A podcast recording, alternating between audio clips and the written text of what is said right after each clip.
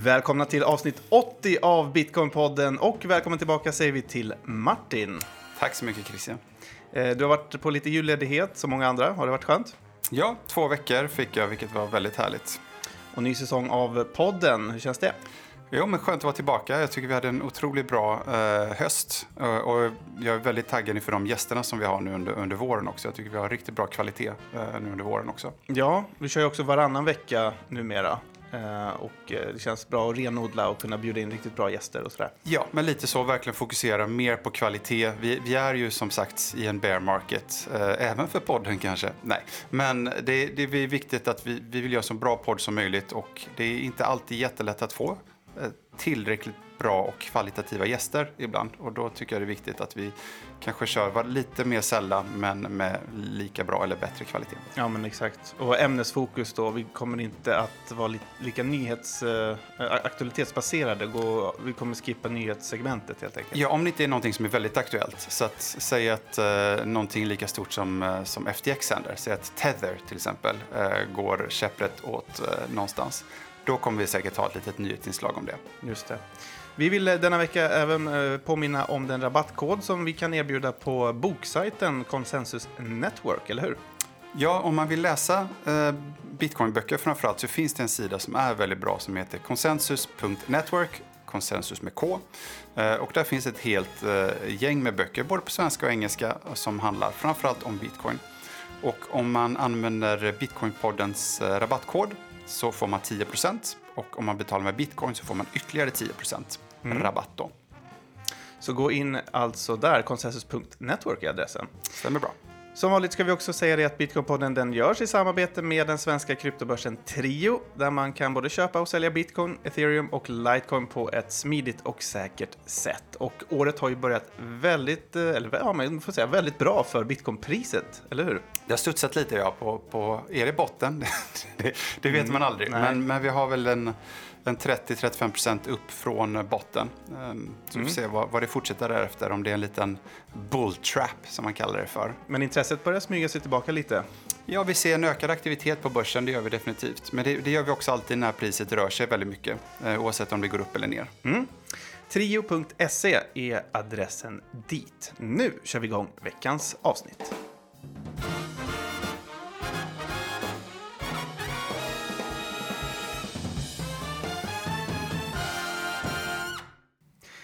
Då säger vi välkommen till veckans gäst, Henrik Kugelberg. Tack så mycket. Hur är läget? Jo, men det är bra. Eh, kommunikatör, copywriter, bitcoin-entusiast. Ja, stämmer. Ja. Eh, Och sen jobbar du även som eh, VIP och OTC Customer Success Manager på den svenska kryptoväxlaren BTCX. Absolut, stämmer. Vad innebär ett sånt jobb då kort för de som inte vet? Jag tar hand om de kunder som kommer och vill sälja lite större eller köpa lite större mängder eh, bitcoin, ethereum, USDC kör vi också. Ehm, så att det, det blir ju lite mera en sorts concierge-service. Man har väldigt mycket och ofta kontakt med kunden ända, ända in i mål så att säga. Vad definieras som stora belopp? Vi kör från en halv miljon eh, svenska kronor uppåt. Så kan man säga.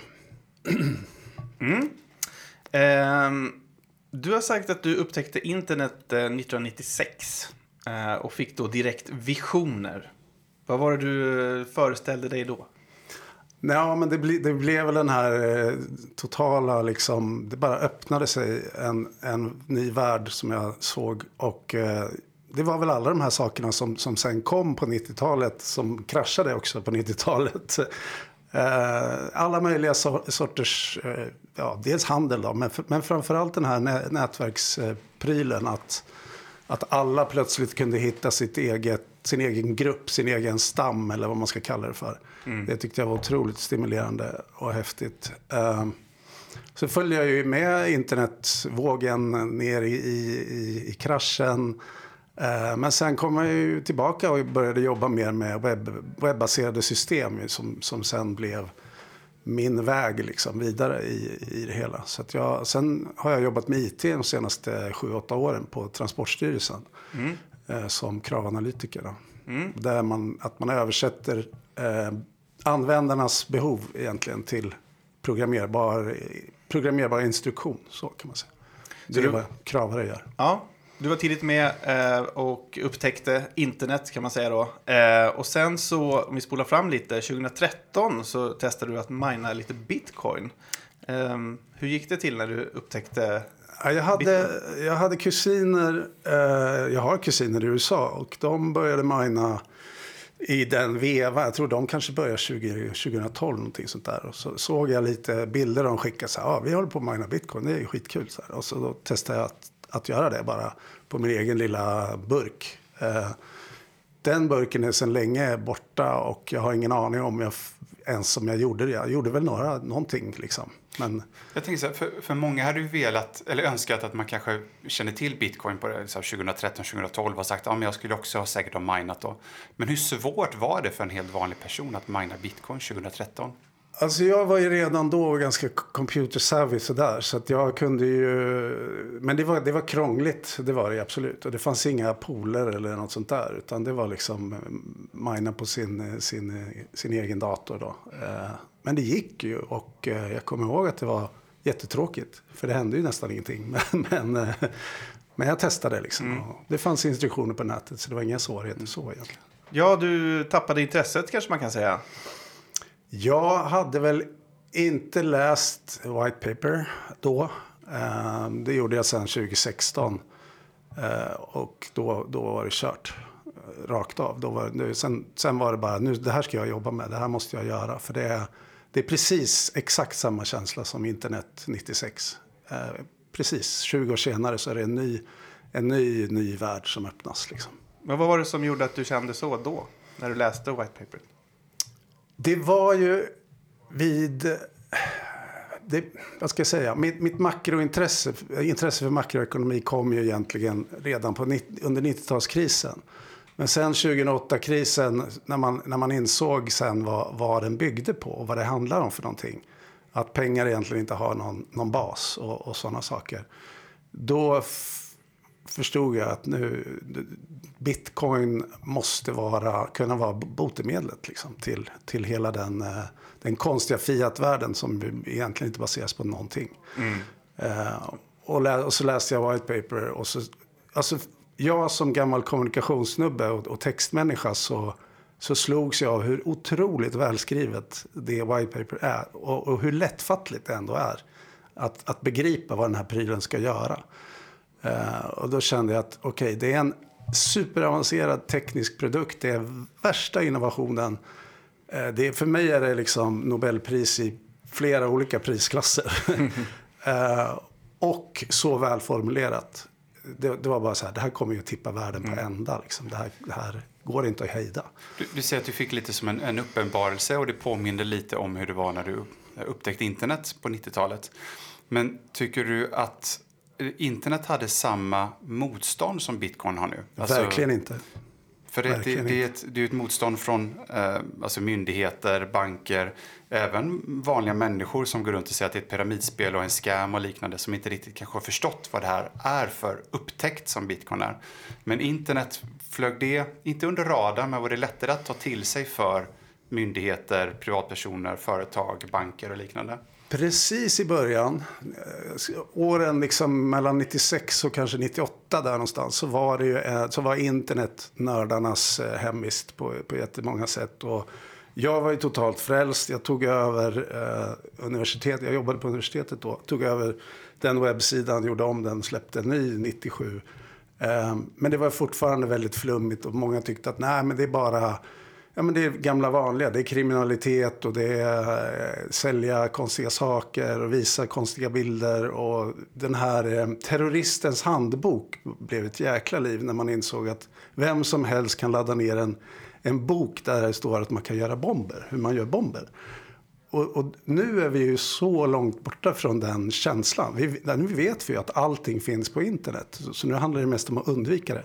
Men då var det ju, i början var det ju väldigt sådär suspekt kan man säga. Som, som tur var så jobbar jag ju på ett seriöst universitet. Hade jag jobbat för någon annan obskyr verksamhet så hade jag väl jag också sett som lite märklig. Liksom.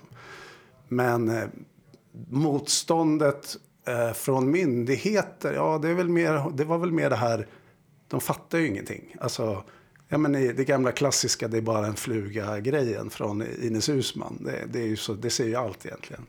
Och sen så blir man då överkörd av, av eh, utvecklingen och måste börja ta till sig och, och reglera och greja. Liksom. Precis som bitcoin. Det som, är, det som är bitcoins stora problem tror jag är att, eh, att det handlar om pengar. Att det är, att det är liksom basen för skatter, det är basen för hela eh, världsekonomin, samhällsekonomin. Jag har en, en eh, sossekompis som, eh, han brukar fråga mig så här, ja men vad är samhällsnyttan? Och då blir jag bara så här, jag ork, det, det, är ingen idé liksom. Det, det är, man märker ganska snabbt om det är läge att öppna burken och faktiskt börja berätta om vad det handlar om. Eller om det bara är så här, du jobbar ju med något som är jättekonstigt. Det här kan vi inte hålla på med. Det här måste vi ner i burken igen. Bort med det här. För det, det, det gör ju allting jättekonstigt. Det är den känslan folk har. Mm. Om de inte är liksom rent sådär. Jag tror inte att du skulle hålla på med penningtvätt. Du är ju en sån reko kille. Varför håller du på med det där? Liksom? Hur tar vi oss igenom det där motståndet tror du? Jag tror att vi måste... Vi behöver bilda... Jag har försökt, eller jag har startat en liten sån här eh, think tank. Det händer ingenting där egentligen. Vi är 20 personer eh, som finns där. Men jag tror att man behöver opinionsbilda på riktigt. Jag tror att det skulle behövas stålar en pott liksom med pengar och, eh, och riktig opinionsbildning. Det, och det, det görs ju inte eftersom det är ingen som äger bitcoin. Det är ju ingen som... Ingen marknadsavdelning? Nej, och i och för sig så ser man ju ibland lite bilder från Senast var det väl i Tyskland någon, någon sån här tunnelbaneuppgång. Det kom, det stod liksom rikt, eh, starka pengar eller något sånt där bara. Och så var det bitcoin i underskrift. Så där är det några som har gått ihop och köpt annonsyta antar jag. Vem som låg bakom det är svårt att veta. För det står ju bara bitcoin liksom. Men, mm. men det, det, är också det som gör eh, det väldigt svårt när Naturvårdsverket, Bolagsverket, Finansinspektionen eh, aktivt motarbetar eh, hela utvecklingen. Man, man, kan inte starta bolag som har med bitcoin att göra. Man kan, eh, Naturvårdsverket säger att bitcoin är superfarligt för det tar en massa el. Eh, Finansinspektionen likadant säger det tillsammans med Naturvårdsverket att det tar en massa el. Och det är bara dumheter. Alltså det är ju, dels så ska de inte göra sådana utspel. Det är inte, jag har jobbat inom statlig verksamhet ganska mycket och så här kan man inte hålla på. Transportstyrelsen kan inte gå ut och säga att bitcoin är dåligt för att eh, någonting med transporter. Det, det blir fel. Men det finns ju ingen motpart. Du har ju ingen som, som faktiskt är bitcoin och kan säga till Finansinspektionen att ni kan ju inte hålla på och tala så här om vår verksamhet. För det är ju bara bollocks. Liksom. Nej, precis. Det finns ju ingen svensk lobbyorganisation som är just för bitcoin. Det finns ju uh, Swedish Fintech Association. Men de är mer fintech överlag och de kommer inte gå och ta bråka eller ta den fighten kanske ja. riktigt. Vad finns det för internationella bitcoin-organisationer? Man, man, kan ju tänka sig att, uh, visst det är ingen som äger bitcoin, men det finns ju, alltså communityt är ju stort och har vuxit enormt mycket. Sen är det ganska många som har Eh, Eh, kanske också tjänat en del pengar på bitcoin och är kapitalstarka. Och, det här, varför kan inte det här communityt eh, organisera sig och eh, trycka in pengar och lobba för bitcoin på, ett, på en global nivå? Det finns ju i, i USA finns ju en del eh, som varit med och pratat inför kongressen där och liknande. Eh, även nu när det hade MIKA i MIKA-fördraget i Europa så har det funnits en del lobbyorganisationer som har verkat på europeisk plan. Men finns det någon sån bitcoin-organisation, ideell, alltså så här, som ja, det, ja, det gör, pengar det. Gör det. Vi, vi har bara ingen specifik i Sverige som lobbar mot våra svenska myndigheter. Okej, okay, vad heter eh, världens största? Ja, vad sa du? Världens största sån organisation. Ja, det finns en i USA. Jag, jag kommer inte på vad den heter just nu. Men om det är någon som lyssnar och som känner sig manad för att starta sån här så tror jag att väldigt många hade varit med och hjälpt till. Men jag tror det också. För att det finns väldigt mycket kunskap och det finns säkert lite pengar också som man kan tänka sig att skänka till att starta en sån eh, organisation. Och där kan jag direkt räcka upp handen för att jag eh, jag vet inte, men jag har blivit... In, jag ska inte säga att jag är en aktivist, men jag är definitivt en entusiast. Jag får, jag får alltid gåshud när jag pratar om bitcoin. Det, det, är liksom, det, det sitter i, i ryggmärgen. Jag har, jag har spenderat många fester eh, med att bara babbla bitcoin med folk. Och eh, mm. det är väldigt kul. Eh, även med banktjänstemän i ganska hög nivå. Eh, en kvinna som jobbar på SE-banken, SEB, som satt ganska högt upp i deras AML eh, hade ingen susning om bitcoin. Bara att det inte är bra för att det är AML. Usch, så här. Eh, och det är jätteintressant att, mm. att ingen egentligen har en koll. Journalister på Sveriges Radio, journalister på Sveriges Television. Det finns ju ingen som kan det. Och varenda gång man skriver om det så, så är det felaktigheter. Även om det kan vara detaljer så är det åtminstone så är det ändå fel. Liksom. Så ibland så är man så här, det är den här gubben med keps som är sur och vän av ordning. Så här, Hallå, nu skrev ni så här det ska vara så här. Liksom. Men de måste ju också stå upp mot det och, och rätta det när det är fel. Mm. Det, alltså jag har inget emot att kallas för en bitcoin-aktivist. Jag tycker det är nästan ett fint epitet ja. att använda. Men, mm. ja. Eh, men 2016 då, när du läste White Paper, då hade du ändå en, eh, en kunskap om, eh, du sa själv, makroekonomi och centralbanker och hur pengar fungerar. Eh, och det kanske inte är så många som har det. Man tänker man ska förstå bitcoin så är det nog många som tänker ja men då ska man förstå rent tekniskt. Hur fungerar det här? Men för att verkligen förstå bitcoin så behöver du förstå det här förstnämnda. Mm. Och det tar ju tid mm. att förstå. Ja. Jag har ägnat jag skulle säga att jag har ägnat 10 000 timmar eller mer, 20 000 timmar kanske, att läsa, eh, st ja, studera, kolla allting som händer, lyssna på Antonio, vad heter han? Antonopoulos eh, till exempel och en massa andra personer som är, eh, som är kloka. Jag, jag följde Real, vad heter de? Real Vision heter de va? Mm. Eh, innan de eh, var, innan han orange-pillade sig, vad han nu heter. Eh, så följde jag Real Vision därför att de pratade just om, om makroekonomin och vad som hände med makroekonomin efter 2009 egentligen. Det är Raoul Pauls uh, ja. Real Vision du tänker exakt, på. Mm. Exakt, Fantastiskt uh, bra innehåll rakt mm. igenom tycker jag.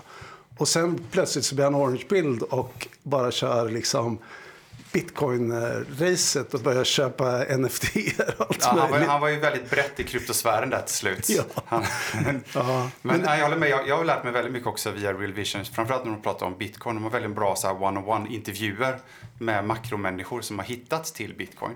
Och det, det gav ett väldigt intressant perspektiv för att det känns som att makrosnacket kom till bitcoin under 2020. Innan var det inte lika mycket för att det kanske inte var makrotillgång på det sättet. Nej. Nej, men, och, jag, menar, jag, skrev, eh, jag skriver mycket på LinkedIn och där skrev jag ju någon text hösten 2020 kring vad man kan förvänta sig av pandemin. Och det, var, det är ju det vi ser nu. Det är liksom superinflation, helt galna saker. Sen kom ju i och för sig kriget och, och dess påverkan på energitillgång och så vidare. Det visste jag ju inte om 2020 kan man ju inte säga. Men, men an, andra sådana här saker, det är väl lite grann också en drivkraft att lära, lära mig mycket om massor. Eh, för att ha en aning om vad, vad framtiden kan, eh, kan ha med sig. Liksom. Mm. Skulle du eh, kalla dig för en bitcoin-maximalist? Eller är du nyfiken på andra projekt och altcoins och sådär? Jag är inte maximalist, det är jag inte. Eh, jag kommer alltid tillbaka till bitcoin. Jag, jag tycker att de här bear market-svängarna, vintrarna, är väldigt, väldigt bra för att det skakar ur en massa skit ur, ur branschen. Jag tycker att det är jättebra med FTX. Jag tycker det är superbra med Lunar och hela det här, alla de här skandalerna som har varit i år. Inte för att folk förlorade pengar på det, men för att det är scams och scams ska vara ut. Liksom. Eh, men jag, jag, följer ett antal andra eh, jätteintressanta projekt. Jag följer ett som heter eh, SingularityNet. Som är eh, ett projekt som syftar till att faktiskt tillhandahålla AI fritt på, på nätet. Eller, eller att man köper AI eh, på burk kan man säga. Eh, det är en kille som heter Ben Gertzel som, som driver det projektet. Han är, han är superspeciell men en av de smartaste lirarna man kan ta del av. Liksom. Han ser ut som värsta hippien. Jag vet inte om ni känner till honom. Mm. Skithäftig, skithäftig. Han är ju säkert autist. Mm. Sådär, men han är och, fantastisk. Och det gör de som ett kryptoprojekt med, med blockkedja och token och hela liksom, Absolut. Ja, SingularityNet. Väldigt intressant. Du har sagt att du alltid varit skeptisk till ethereum och att du går och väntar på ett Linux moment eh, som kanske då även integrerar AI. Ja, vad menar du med det? Eh, ja, vad menar jag? Alltså, ethereum för mig... Eh, det här kommer man väl få skit för, för det finns en väldig massa ethereum-entusiaster. Jag Inte i det här rummet, det Nej, okej. jag, jag ser ethereum som, som, en, eh, som kejsarens nya kläder. Uh, ursäkta, men hela liksom, halva kryptosfären bara jublar över, över ethereum. Men vad är ethereum egentligen? Och, och vad är basen i ethereum? Och på vilket sätt kommer ethereum utvecklas i framtiden? Det är ju ingen som kan säga det. Och nu har vi, nu har vi liksom the merge som är klar. Och den innebär ju bara att eh, det, alltså centraliseringen i, i ethereum ökar. Nästa gång det ska hända stora saker efter då de här splurge och allt vad han, han kallar det superfånigt. Superfånigt vill jag bara säga att jag tycker han är väldigt barnslig den här killen, vad han nu heter igen. Är Vitalik. Vitalik Ja. Buterin. Men, Splurge och plurge och allt sådär. Men när det är klart, eller egentligen vägen genom allt det där, är så osäker och vi vet ju inte alls vad det kan, vad det kan bli av ethereum. Liksom. Eh, dessutom så finns det en risk att, att de här stake, de stora staking, eh, eh, stakers, eller vad jag ska kalla dem. Stakingpoolerna kanske? Ja, men det är väl typ 16 stycken som har liksom, i stort sett makten över ethereum eller något sånt där. Men, men vad är det som gör ethereum mer riskabelt än något annat kryptoprojekt? Det är storleken. Alltså att det är värt så pass mycket och det är så många användare, eller? Absolut. Ja, det byggs ju hur mycket DApp som helst på, på ethereum. Och jag, jag känner att eh, eh, det är som OS, så att säga. Det är därför jag pratar om ett Linux-moment. Alltså, Linux... Vad är ett Linux moment? Vi kanske ska börja den ja, handen. för mig var ju Linux eh, fantastiskt skönt. Jag har ju alltid varit superskeptisk mot Microsoft och, och är fortfarande. Och, och jag, jag ser att, att det är liksom... Det är som, det är som så här mjölk. Man måste ha Microsoft. Och det ser jag i alla möjliga organisationer. Och är det så att Microsoft säger att nu har vi en ny produkt, då måste man köpa den. Eh, nej, måste man inte. Och sen kommer Linux och bara slår undan benen på, på stora delar av Microsofts eh, makt. Men det är inte lite det ethereum är också? De tvingar ju alla att hardforka varje gång de gör en ändring. Är inte det lite det Microsoft gör? Jo. Är det det du menar att de inte ska styra så mycket över användarna? Ja. Men då kanske det inte är ethereum i sig, det kanske är något annat då? För de kommer nog aldrig släppa kontrollen kanske? Nej, men jag tror inte att ethereum kommer att vara tillräckligt bra. Eh, Det är väl eh, tveksamt om det är tillräckligt bra redan nu med tanke på gasproblemen och de här sakerna. Alltså när, när många ska köpa någonting samtidigt så blir det plötsligt liksom helt, helt omåttligt dyrt att, kan man inte att använda den kritiken på bitcoin liksom. också?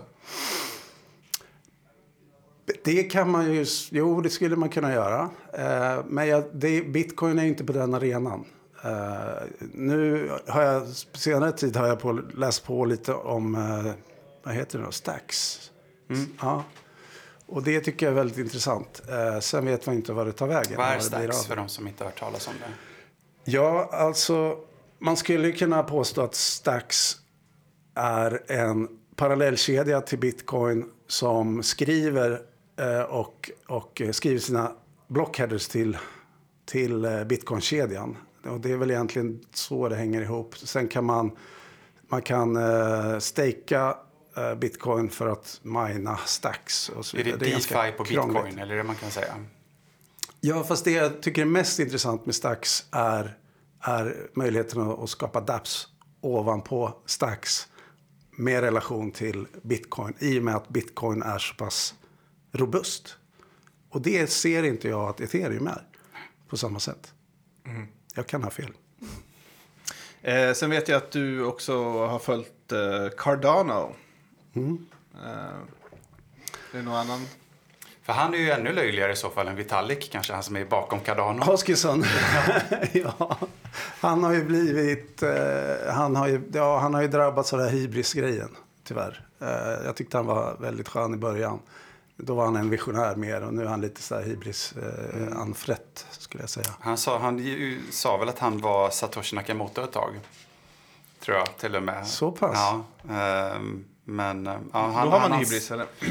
Alltså det är väl eh, lätt att få hybris. Det har väl alla fått någon gång i sitt liv. Men Ja, på olika nivåer kanske. Ja, Ja. exakt. Säga att man är Satoshi är ungefär som att säga att man är Jesus. Det blir väldigt märkligt. Exakt. Mm. Ja, nej men eh, så du är lite, nosar lite och lite nyfiken på altcoins men eh, bitcoin är den, den stora förälskelsen kanske man kan säga. Mm. Vi kan gå vidare. Eh, tänkte vi skulle prata lite centralbankspengar, så kallade CBDC. Eh, som till exempel e-kronan. Vi har ett eh, avsnitt om den om man vill. Det är flera avsnitt tror Ja. jag. Vi har gjort en del. eh, Men ett som heter specifikt e-kronan tror jag. Men absolut, vi har pratat om det många gånger. Eh, vad tycker du om centralbankspengar? Jag är i ett läge där jag har, eh, hur ska jag säga, mm, det är lite som politik för mig. Jag bekänner mig inte till någon ideologi egentligen, utan jag skulle vilja plocka lite från olika saker. Eh, just nu så vacklar jag mellan att tycka det gamla vanliga, att det är fruktansvärt eh, otäckt. Det är ett, ett vapen som man stoppar liksom i, i sin eh, skrivbordslåda som regering. Och när det sen krisar så tror jag att väldigt, väldigt många regeringar kommer att plocka upp vapnet och använda det precis så illa som, som det går att använda. Även om det inte, de kanske inte tänker så direkt eller från början. Jag har svårt att tro att, att liksom Riks, Sveriges riks, riksbank är superintresserade av, eh, av den kontrollen. Däremot Eh, så ser vi ju våra svenska banker och Finansinspektionen eh, som ju är väldigt intresserade av, av eh, ganska stor kontroll. Ehm, så att, men jag tror att det är... Eh, jag, jag vet inte, jag, jag får ibland en känsla av att det är en, nästan en atombomb. Att man har den i, i, i sitt vapenarsenal. Den, Men på vilket sätt, eh, om du kan ge konkreta exempel, kan, ser du att en e-krona kan användas som ett vapen? Jag tror att utveck den politiska utvecklingen i Europa eh, och på andra delar av världen är ju att det blir mer och mer populistiskt valda ledare. Många är ganska eh, radikala. Eh, många vill kasta ut olika folkgrupper, man vill bygga murar, man vill stänga ner, man vill välja vilka som ska få komma in i landet. Ehm, man, man, eh, arbetskraftsinvandring är positivt men all annan invandring är negativt och så vidare. Och det lirar inte alls med mina, med mina värderingar. Ehm, jag tycker ju personligen då att, att eh, vi har ett parti i riksdagen idag och i regeringen. Det, det är inte sant att Sverigedemokraterna inte ingår i regeringen. Sverigedemokraterna är grunden till den här regeringen. Allting som görs går via Sverigedemokraterna. Och jag ser dem som ett radikalt och otäckt populistiskt parti. Därför är jag rädd för CBDCs i Sverige. För att en vacker dag kanske Sverigedemokraterna har 40 procent eller 52 procent. Och då står vi där med en regering som har en agenda eh, som söndrar eh, vårt samhälle och väljer ut olika individer mot andra. Det här blir jättepolitiskt, jag vet det. Men, Men hur skulle de använda eh, e-kronan för det här? Hur, på vilket sätt? Ja, exakt. Jo, har man då en, en spårbar valuta som är kopplad direkt till individen via någon form av e-legitimation så kan de facto systemägarna, i det här fallet skulle det vara Riksbanken, och man säger att Riksbanken är tillsatt, det är bara tjänstemän, de är inte politiska, men de är politiskt tillsatta. Eh, likväl, om vi, om vi tänker oss Donald Trump med en CBDC så skulle han ha bytt ut hela Riksbankens styrelse mot sina kompisar och sen så skulle de ha börjat skicka ut dem som de kände.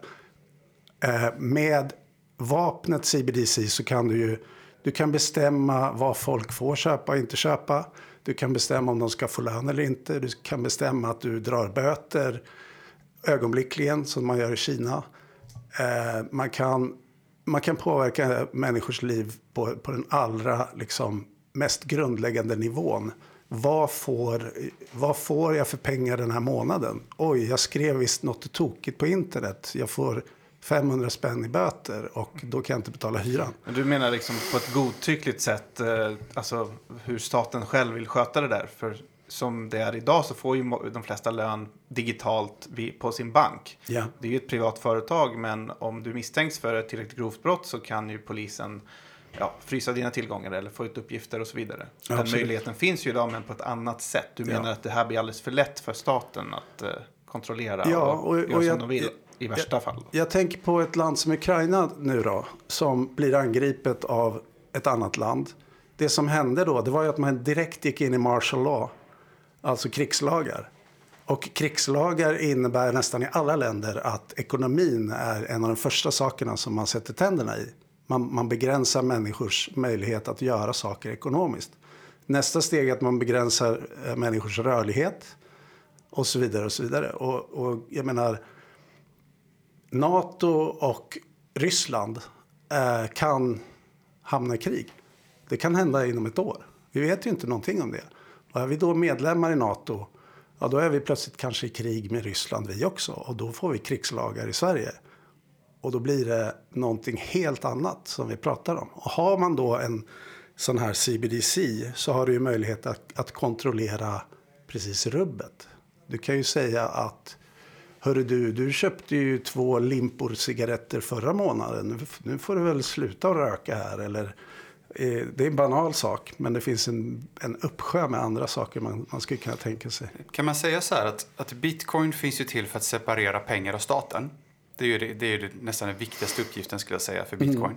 Medan en CBDC eller en e-krona snarare är tvärtom, att det ger ännu mer kontroll. Eh, politikerna får ännu mer kontroll över pengarna. Ja. Politiserar pengarna ännu mer. Ja. Så att det, det är liksom an- andra sidan av myntet. Det är som på ett spektrum ser de verkligen på varsin sida. Exakt. Och till saken hör eh, en annan kanske radikal eh, tanke som jag har. Det är att vi får numera inte... Mm, vi får politiker, vi väljer politiker och vi väljer partier väldigt, väldigt mycket utifrån avancerad marknadsföring och avancerad påverkan. Inte bara, in, inte bara nationell avancerad påverkan utan eh, utrikeskommande påverkan. Rysk påverkan, kinesisk påverkan, amerikansk påverkan. All möjlig olika typer av påverkan. Så för mig så är demokratin lite satt ur spel också. Eh, och det betyder i min lilla konstiga värld att vi riskerar att få politiker som har en helt annan agenda än den som de talar om.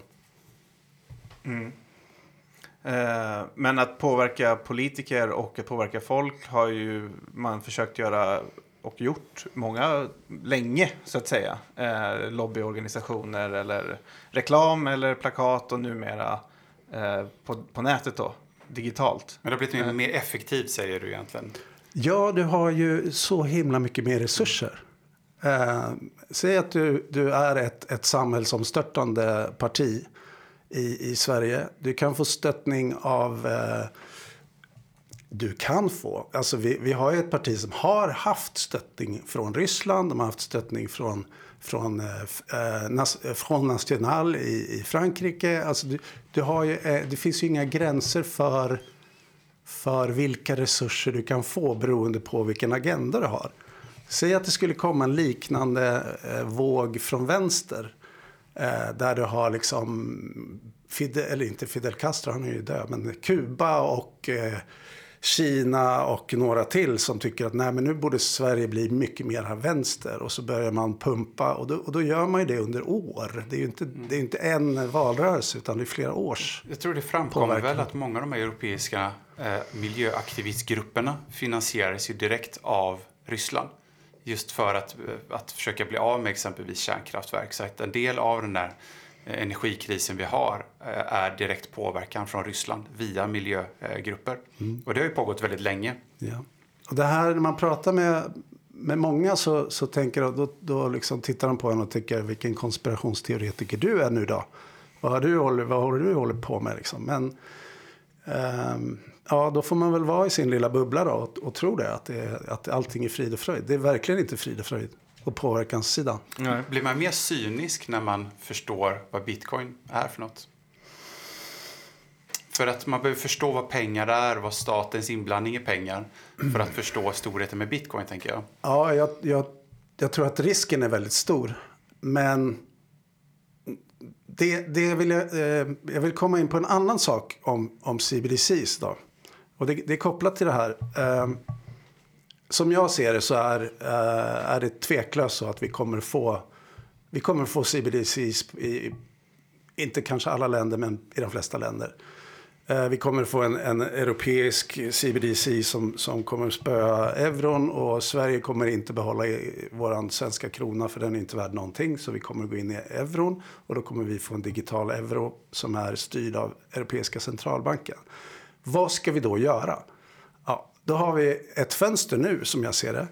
Där vi kan möjligtvis påverka eh, e-krona-gänget eller Europeiska centralbanken och säga men allt ni skriver i era dokument, jag har nämligen djupdykt nu i många dokument. Eh, Bank of International Settlements eh, prylar, eh, Europeiska centralbankens prylar, Feds prylar, det som de går ut med. Och det enda de inte skriver är ordet bitcoin. Annars beskriver de ju ta mig tusan bitcoin när de, när de författar sina dokument. Det är fantastiskt om man tittar. Liksom. Men menar de bitcoin eller menar de De menar inte bitcoin. Men de, de vill ha en väldigt liknande sak som de kan kontrollera. Alltså en centraliserad bitcoin? Ja. Det är vad de vill ha? Ja. Okej. Okay. Det skulle jag säga. Mm. Och då tänker jag att fönstret vi har nu, det handlar återigen om påverkan, opinionsbildning, men också kanske försöka by bygga en brygga mellan, eh, mellan bitcoin eh, förstå, vad ska jag säga, bitcoinkunniga människor och de som jobbar med motsatsen, nämligen CBDCs. För att se vad kan vi, vad kan vi ta med oss från bitcoin in i CBDCs och vad, hur, hur kan det här liksom utvecklas på något sätt tillsammans. Och det är därför jag också är intresserad av, av Stax för att eh, se om det möjligtvis kan vara någon form av variant. Eller... Men ser du alltså att det finns en chans att eh, EU skulle kunna tänka sig en decentraliserad eh, CBDC som så att säga släpps lös eh, och som inte kan kontrolleras eller trackas av... Eh... Det beror på vilken del av mig du frågar. Cynikern i mig säger ha, inte en chans. Men jag måste ändå kämpa. Jag måste ändå tycka att jag, ja, men, kan jag påverka? Kan jag kan jag lyfta det här på något sätt? Och då, då finns det på MIT finns det en, ett initiativ som heter uh, Digital Currency Initiative. Och i deras programförklaring så, så, skriver de precis det. Att vi försöker vara en brygga mellan de här två världarna som nästan inte talar med varandra. Eh, men de har också ett gäng personer som sitter där som bara håller på med bitcoin.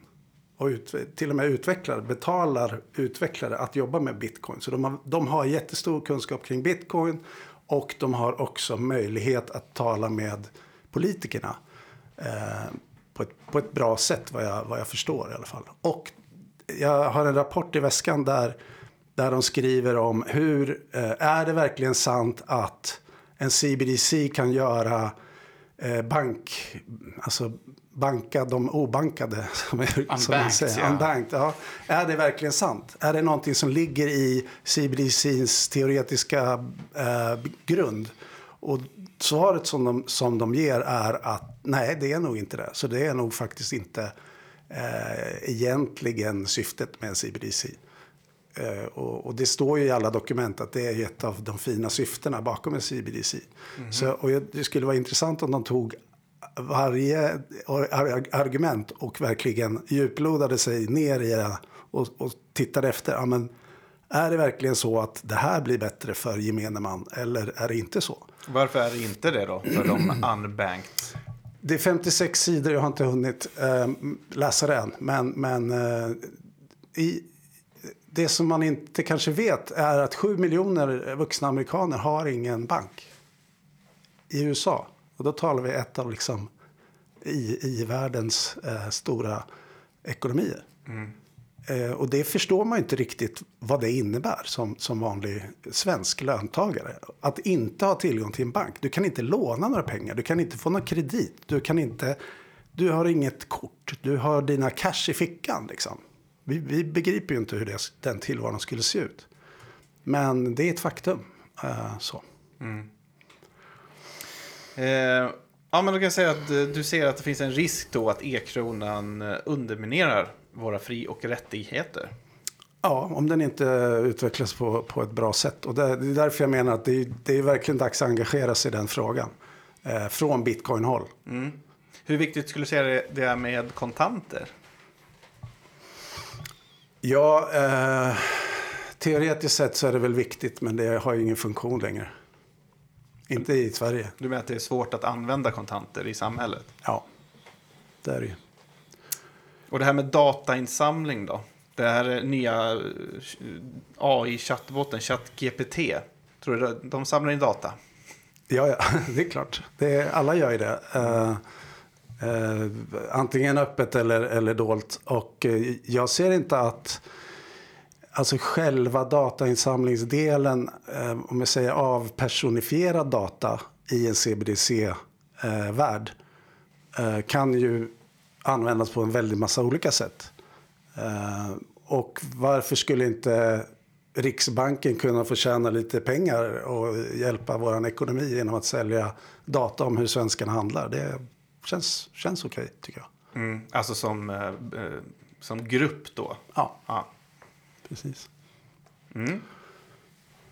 Ehm, Bitcoins Lightning Network. eh, det är mycket bättre för vanligt folk, vet jag att du har skrivit. Mm.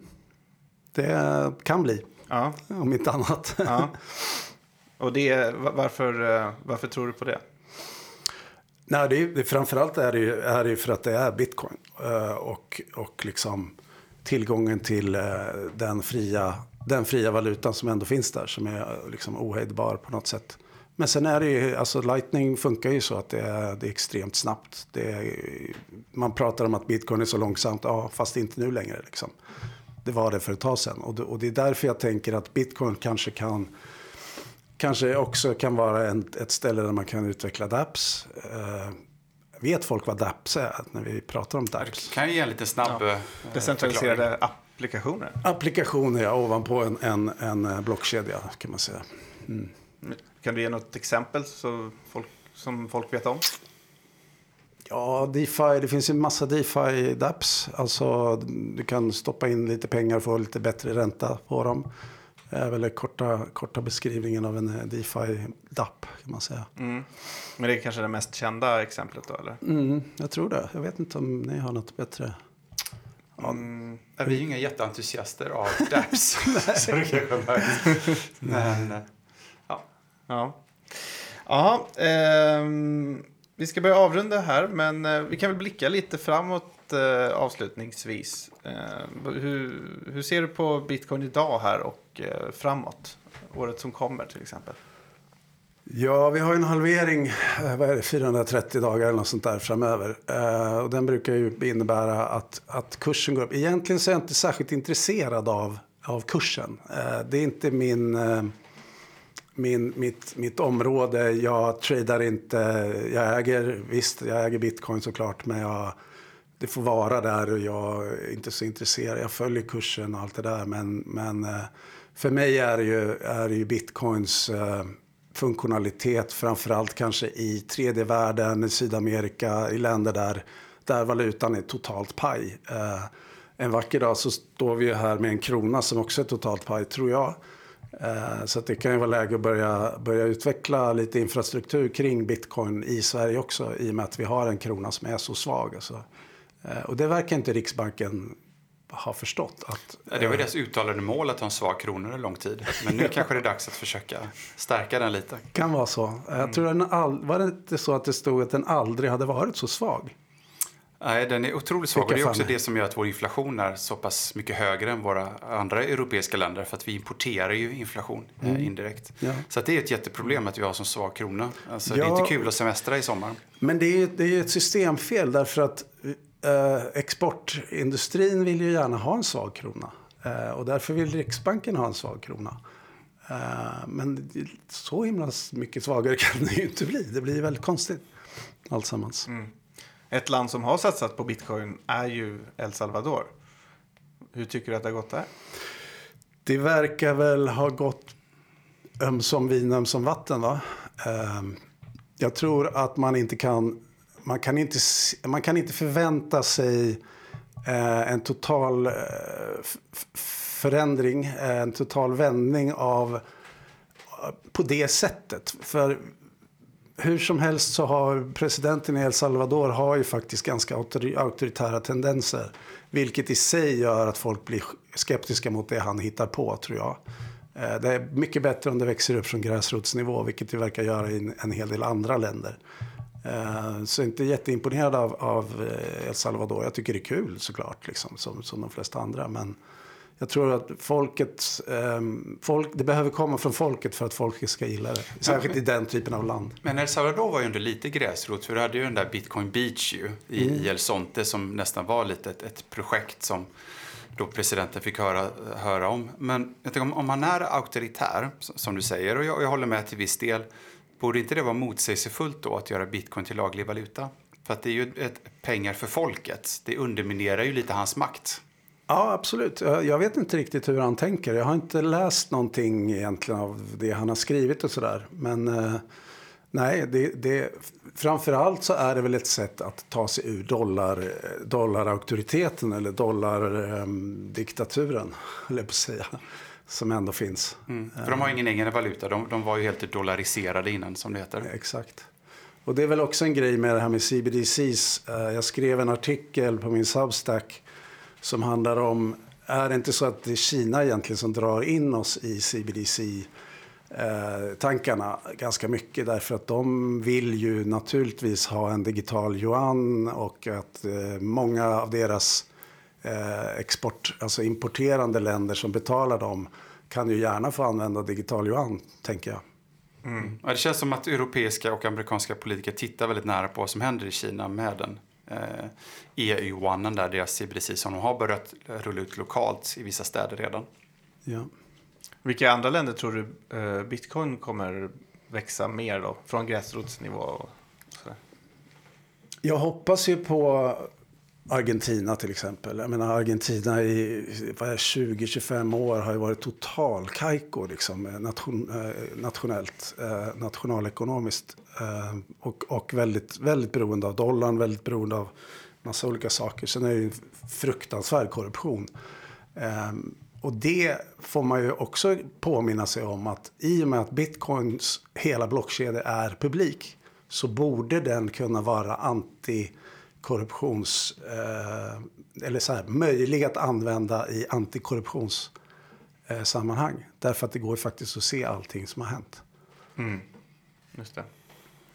Ja, eh, Bitcoin-entusiasten Henrik Kugelberg, stort tack för att du gästade Bitcoin-podden den här veckan. Tack så mycket, vad roligt. Eh, Martin, vem eh, gästar oss nästa gång? Eh, nästa gång kommer kanske en av våra eh, mest profilerade gäster hittills. Det är nämligen Rickard Josefsson som är vd på Avanza. Han har ju ganska nyligen uttalat sig eh, väldigt positivt till bitcoin och krypto överlag och de har ju även försökt introducera det på Avanza. Så vi kommer att ha ett långt och intressant snack med honom om det. Yes, om två veckor är vi tillbaka alltså. Ska vi påminna om Sveriges bästa kryptobörs igen kanske? Ska jag göra? Ska jag få äran? Ja, det kan du få. Eh, Trio.se, Sveriges största eh, börs och, av kryptovalutor. Och eh, där kan du handla bitcoin, ethereum och litecoin. Mm. Och glöm inte också att följa Bitcoinpodden på Instagram, där vi heter just Bitcoinpodden. Vi har även en Discord där adressen då är discord.gg trio och prenumerera även på Trios YouTube-kanal. Nu tackar vi för oss och önskar en fortsatt trevlig vecka.